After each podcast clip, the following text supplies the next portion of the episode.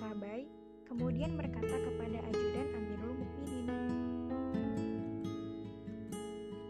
"Wahai ajudan Amirul Mukminin, sampaikanlah kepada beliau bahwa Sabai tidak dapat sesegera mungkin untuk menghadap kepadanya. Saya harus menyelesaikan perbincangan yang sangat mengasihkan ini hingga tuntas." Mendengar jawaban Sabai, sang ajudan pergi untuk melapor kepada Amirul Mukminin. Tak berapa lama, sang ajudan tiba di kediaman Amirul Mukminin. Akan tetapi, kedatangan sang ajudan tanpa didampingi Al-Sabai membuat Amirul Mukminin bingung. Ia pun bertanya kepada ajudannya, "Wahai ajudan, apa yang terjadi? Mengapa kau berjalan seorang diri? Di manakah Al-Sabai? Atau ia sedang sakit sehingga tidak bisa menghadap diriku?" Ajudan pun menjawab pertanyaan Amirul Mukminin yang bertubi-tubi. Amirul Mukminin Al-Sabai berpesan bahwa dirinya tidak bisa segera menghadap Amirul Mukminin karena harus menyelesaikan perbincangannya yang sangat asyik hingga tuntas. Mendengar jawaban sang ajudan, Amirul Mukminin semakin penasaran. Wahai ajudan, di negeri ini adakah orang yang lebih penting selain diriku?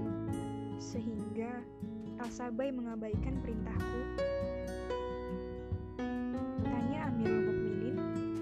Ajudannya. Sepanjang pengetahuanku, tidak ada orang yang lebih penting selain Tuan.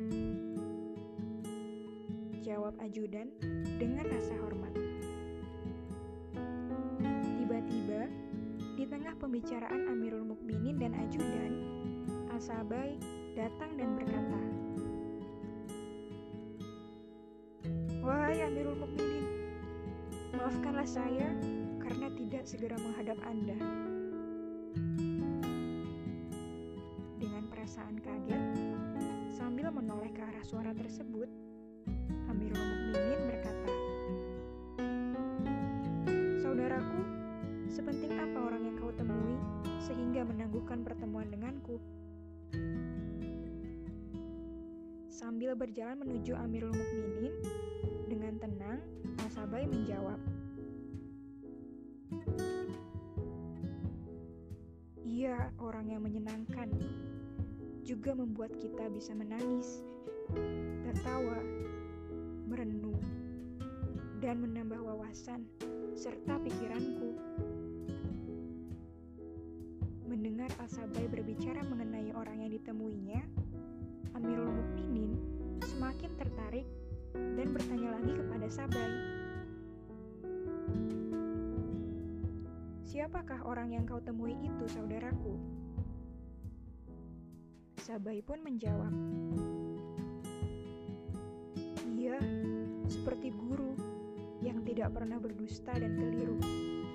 Ia adalah buku.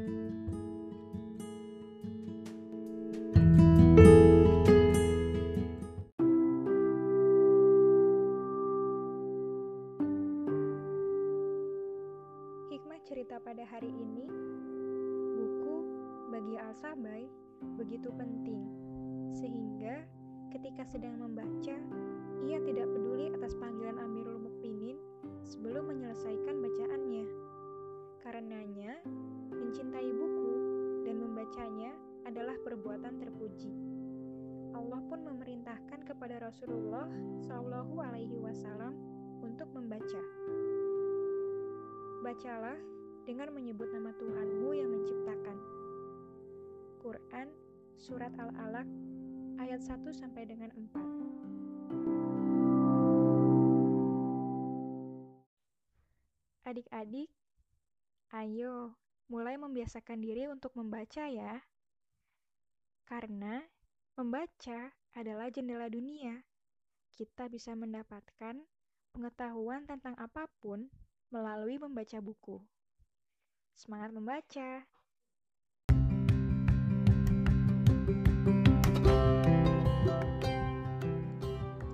Sekian untuk cerita pada hari ini. Sampai jumpa. Wassalamualaikum warahmatullahi wabarakatuh.